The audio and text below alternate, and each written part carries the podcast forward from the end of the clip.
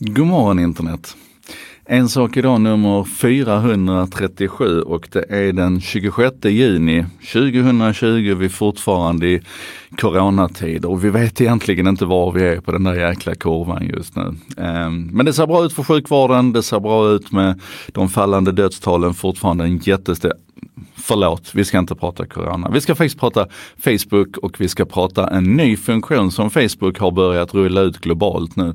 Som handlar om att när du försöker posta en länk som är äldre än 90 dagar så eh, får du upp en varningstext som säger att den här nyhetsartikeln som du försöker länka till nu, den är äldre än tre månader gammal. Är du säker på att du vill dela denna?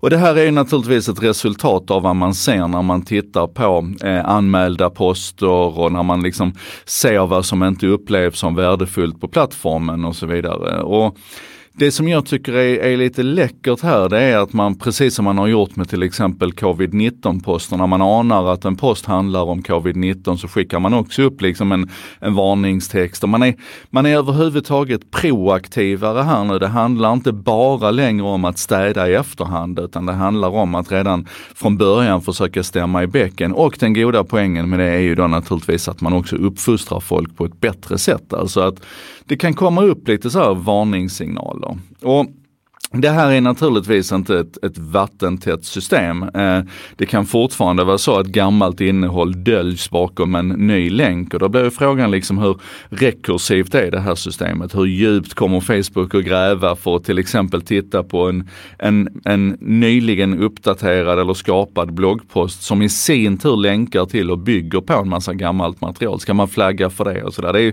som vanligt med plattformar av den här storleken, den här skalan att så fort man öppnar ett sånt här fönster så är det ju som att, att släppa in en burk med mask, can of worms. Alltså det finns så mycket i det som är, är problematiskt. Ett, ett, problem åt andra hållet är kanske att gammalt innehåll fortfarande kan vara superrelevant. Eh, Eh, det finns ju massor med evergreen-artiklar som man ska posta till och sånt. Så förmodligen så kommer man på sikt att behöva arbeta med någon slags granularitet i det här. Vilket ju i sig kan vara problematiskt. Eller ta den här fantastiska sajten som KB öppnade upp för oss, Kungliga biblioteket öppnade upp här i sommar när man fick till stånd ett specialavtal och kunde öppna tidningar.kb.se så att vi kunde gräva i hela deras gamla tidningsarkiv.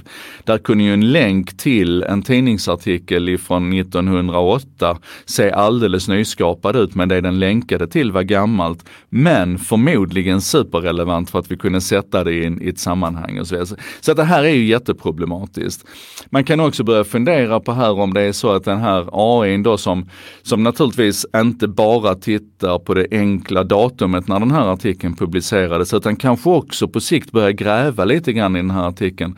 Skulle kunna jobba mot Wikipedia-artiklar som någon slags proxy. Om en tidningsartikel handlar väldigt väldigt mycket om ett specifikt ämne så skulle man kunna gå till den Wikipedia-artikeln och försöka göra någon slags kvalitetsbedömning av de här artiklarna på hur många, eh, hur många som har varit inne och editerat den, när den senast editerade, omfånget på den, har det varit några redigeringskrig?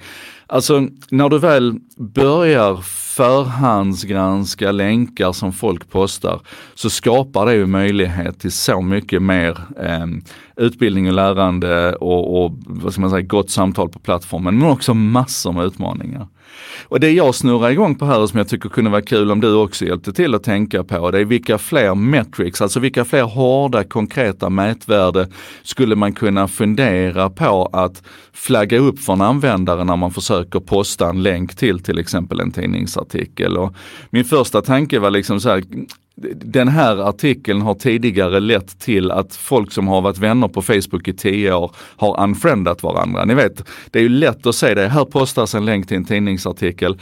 Här går liksom två eller fler gamla vänner i clinch med varandra och börjar diskutera och kommentera och hålla väsen och sen slutar den här kommentarstråden med att man går skilda vägar. Det kanske man skulle kunna mäta och väga och flagga upp innan man fortsätter liksom sprida den här länken, att den här, den här tidningsartikeln har tidigare lett till. Eller man kan, man kan naturligtvis titta på länkar som ger massor av engagemang ifrån icke-vänner. Ni vet, någon artikel som har fått en, en viral spridning där liksom de här trollarméerna kommer och liksom följer upp överallt där den här artikeln postas så ska de engagera sig och länka och posta och så vidare. Så att om man liksom vill om, om, om jag inte vill posta artiklar som bidrar till trollarméns beteende utan artiklar som faktiskt är intressanta för bara mina nära vänner och de som jag brukar engagera mig med. Det skulle man kunna poppa upp en varning också. Jag vet ju, alltså Facebook gör ju det här i algoritmerna efteråt, att man försöker styra och bearbeta. Men tänk om man kunde poppa upp det här innan, så många spännande möjligheter som, som öppnar sig. Man skulle kunna få reda på att andra som har postat den här artikeln har fått en massa arga och ledsna emojis. Alltså igen, hela det här här idén om att försöka lyfta upp det innan du, innan du klickar på liksom dela. Eh, och det tycker jag gott att man kan fundera på. Eh, och, och, alla ni som hänger här nu på olika sociala plattformar, börja fundera på det här. Eh, och jag, jag, fick en fin, en fin kommentar härifrån Linus apropå det här att, att många tidningar nu sent om sidor skulle jag säga har börjat att tydligt märka upp när artiklar är gamla. Eh, och det här är ju någonting som vi pratade om redan på min tid i mediebranschen, alltså ni vet 93-94, att borde vi inte liksom ha mer dynamik i artikelpresentationen så att den inte bara länkar till relaterade texter utan faktiskt också kan sätta den här gamla artikeln i ett sammanhang och i en kontext och säga att den här publicerades faktiskt för tio år sedan. Och det har ju, det har ju många, många mediehus börjat med nu och det är igen ett led i samma riktning egentligen att försöka göra oss som användare och delare och, och spridare, att göra oss eh, mer delaktiga i processen som sagt, inte först postar du och sen kommer det algoritmer efteråt och antingen avgör hur det här ska spridas eller slår ner på det, plockar bort och så vidare. Utan att lyfta fram eh, beskedet till oss användare redan innan vi postar. Det tror jag hade varit en bra grej.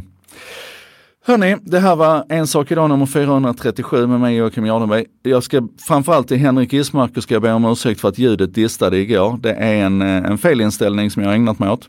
Nästa steg nu blir att försöka se om vi kan komma åt det här med att det fortfarande verkar vara ur synk på vissa plattformar vid vissa tillfällen, vissa dagar. Det är mycket att jobba på här. Kul att ni hänger med i alla fall eh, och jag hoppas verkligen att eh, med ert benägna bistånd och ert engagemang så kommer vi kunna hålla igång det här hela sommaren också. Vi ses imorgon. Nej, det gör vi inte. Det är fredag idag. Vi ses på måndag. Åh, oh, det är fredag.